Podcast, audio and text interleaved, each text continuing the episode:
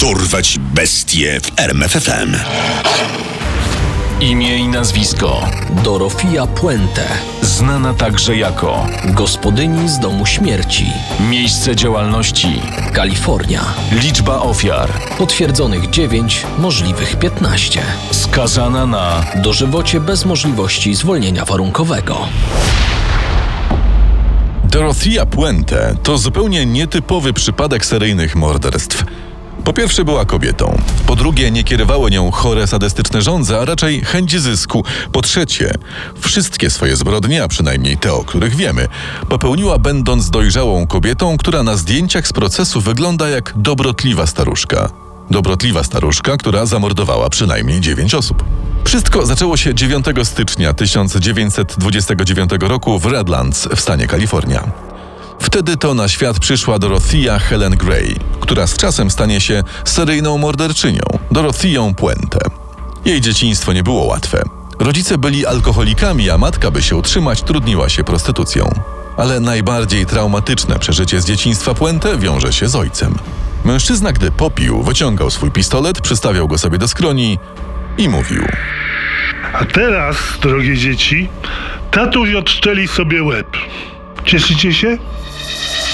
Mimo, że nigdy nie spełnił swojej groźby, to wydarzenie to odcisnęło trwałe piętno na psychice młodej Puente. Koszmar ten ciągnął się aż do 1937 roku, w którym Jesse James Gray zmarł na gruźlicę. Niecały rok później w wypadku samochodowym zginęła także matka dziewczyny Trudy May. Dorothea trafiła do sierocińca, ale miejsce to wcale nie było dla niej lepsze niż dom rodzinny. Dom dziecka to był koszmar. Nie miałam nawet 10 lat, kiedy zaczęli mnie wykorzystywać seksualnie.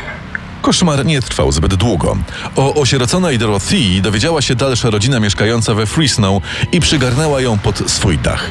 Niewiele wiemy, jak przebiegało jej życie w nowym domu. Wiemy natomiast, że kilka lat później, w 1945 roku, wyszła za mąż w wieku 16 lat.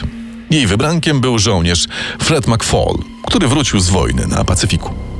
W 1946 urodziła pierwszą córkę, w 1948 drugą, ale jedną z nich oddała rodzinie na wychowanie, a drugą do adopcji. W 1948 roku zaszła w ciążę po raz trzeci, ale niestety poroniła kilka miesięcy później. McFall zostawił ją. Opuszczonej kobiecie brakowało środków do życia, ale szybko wpadła na pomysł, który miał jej te środki zapewnić podrabianie czeków. Niestety, jako początkująca fałszerka popełniła błąd i złapana na gorącym uczynku trafiła do aresztu. Wyszła po sześciu miesiącach, a niedługo później znowu zaszła w ciążę, tym razem z ledwie poznanym mężczyzną. Tuż po porodzie oddała córkę do adopcji. W 1952 roku poznała swojego kolejnego męża, Axela Johanssona. I że cię nie opuszczę aż do śmierci. Ich małżeństwo trwało 14 lat i nie należało do najłatwiejszych. W 1960 roku Dorothea założyła i zarządzała domem publicznym. Nie minęło dużo czasu, nim została aresztowana za stręczycielstwo, po czym skazano ją na 90 dni w areszcie w Sacramento. Tuż po wyjściu znowu została zgarnięta przez policję, tym razem za włóczęgostwo, za co spędziła kolejne trzy miesiące za kratkami, gdzie jej kariera przestępcza tylko nabrała tempa. Po wyjściu z więzienia Dorothea miała nowy pomysł na niezawodny przekręt, ale pomysł ten wymagał od niej sporo pracy. Pierwszym etapem jej planu było zostanie pomocnicą pielęgniarki w domu spokojnej starości. Dorothea przepracowała w ten sposób kilka lat po to, by zyskać uprawnienia do prowadzenia własnego domu opiekuńczego. W 1966 roku rozwiodła się z Johanssonem i ponownie wyszła za mąż, tym razem za o 19 lat młodszego obywatela Meksyku Roberto Puente. Nowe małżeństwo rozpadło się dwa lata później, ale Puente nie była tym zmartwiona, bo plan, który ułożyła lata temu, wreszcie zaczynał działać. Dorothea w końcu zyskała prawo do prowadzenia prywatnego domu opieki i szybko z tego prawa skorzystała. Swój ośrodek otworzyła w trzypiętrowym budynku w Sacramento przy F Street numer 1426. Od samego początku Dorothea nie była zbyt popularna wśród rezydentów jej domu. Moja emerytura przychodzi do niej pocztą, a ona wypłaca mi tylko jakieś małe kieszonkowe. z panem też tak jest? Tak, twierdzi, że to na utrzymanie domu i zapasy, które używamy. Z drugiej strony gotuje dla nas dużo i przepysznie, więc może faktycznie jedzenie tyle teraz kosztuje? Oprócz okradania swoich podopiecznych, Dorothea często polowała również na emerytów w lokalnych barach. Rozmawiała z nimi, była miła, dawała się poznać z jak najlepszej strony, a gdy już zdobyła ich zaufanie, podrabiała podpis, by okraść ich z pieniędzy.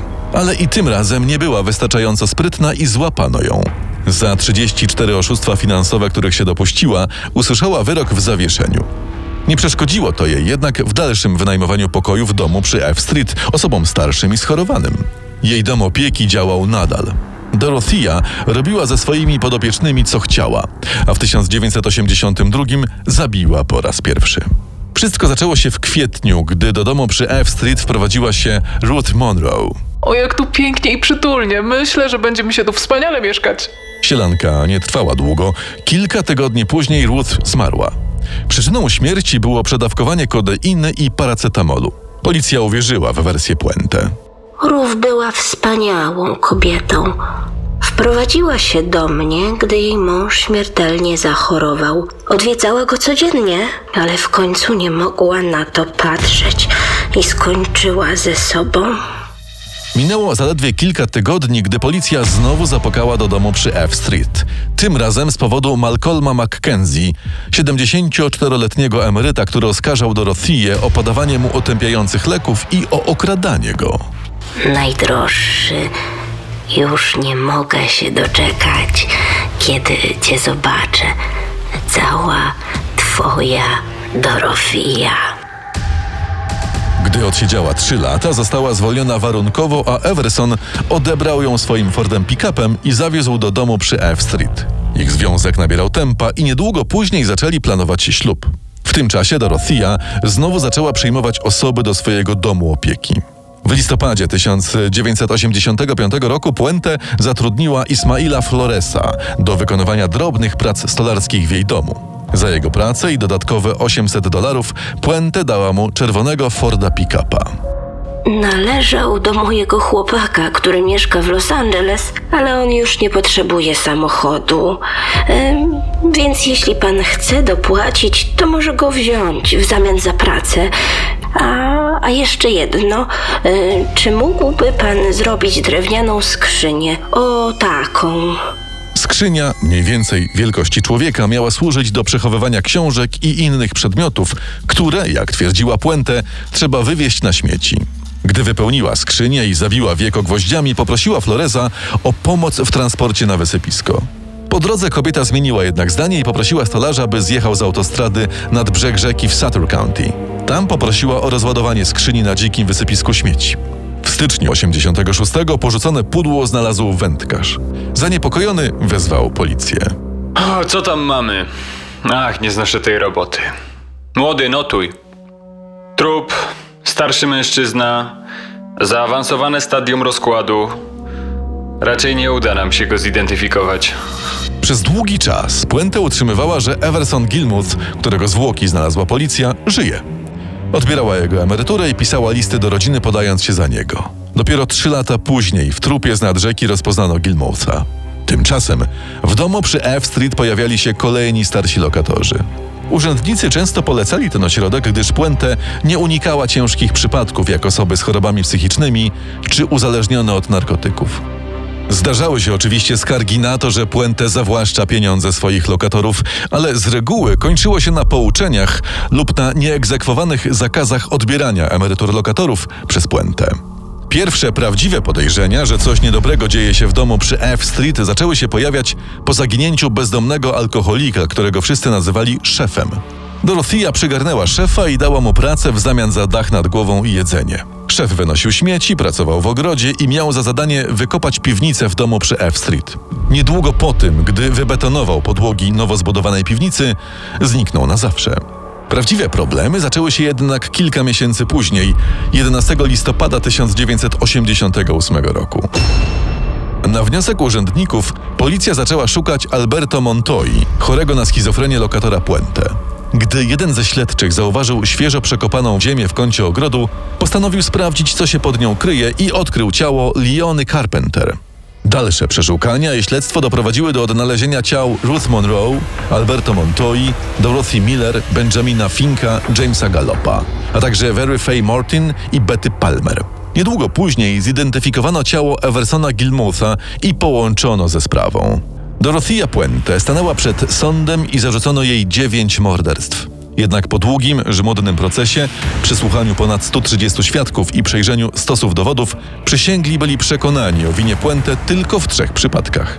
Nad pozostałymi sześcioma morderstwami debatowali przez wiele dni, ale nie doszli do konsensusu. Za trzy morderstwa, które jej udowodniono, Puente usłyszała wyrok dożywocia. Jednak do końca swoich dni twierdziła: Jestem niewinna. Oni byli starzy. Zmarli z przyczyn naturalnych. Umarła w więzieniu dla kobiet w Chowchilla w Kalifornii 27 marca 2011 roku. Poznaj sekrety największych zbrodniarzy świata. Dorwać bestie w RMFFM.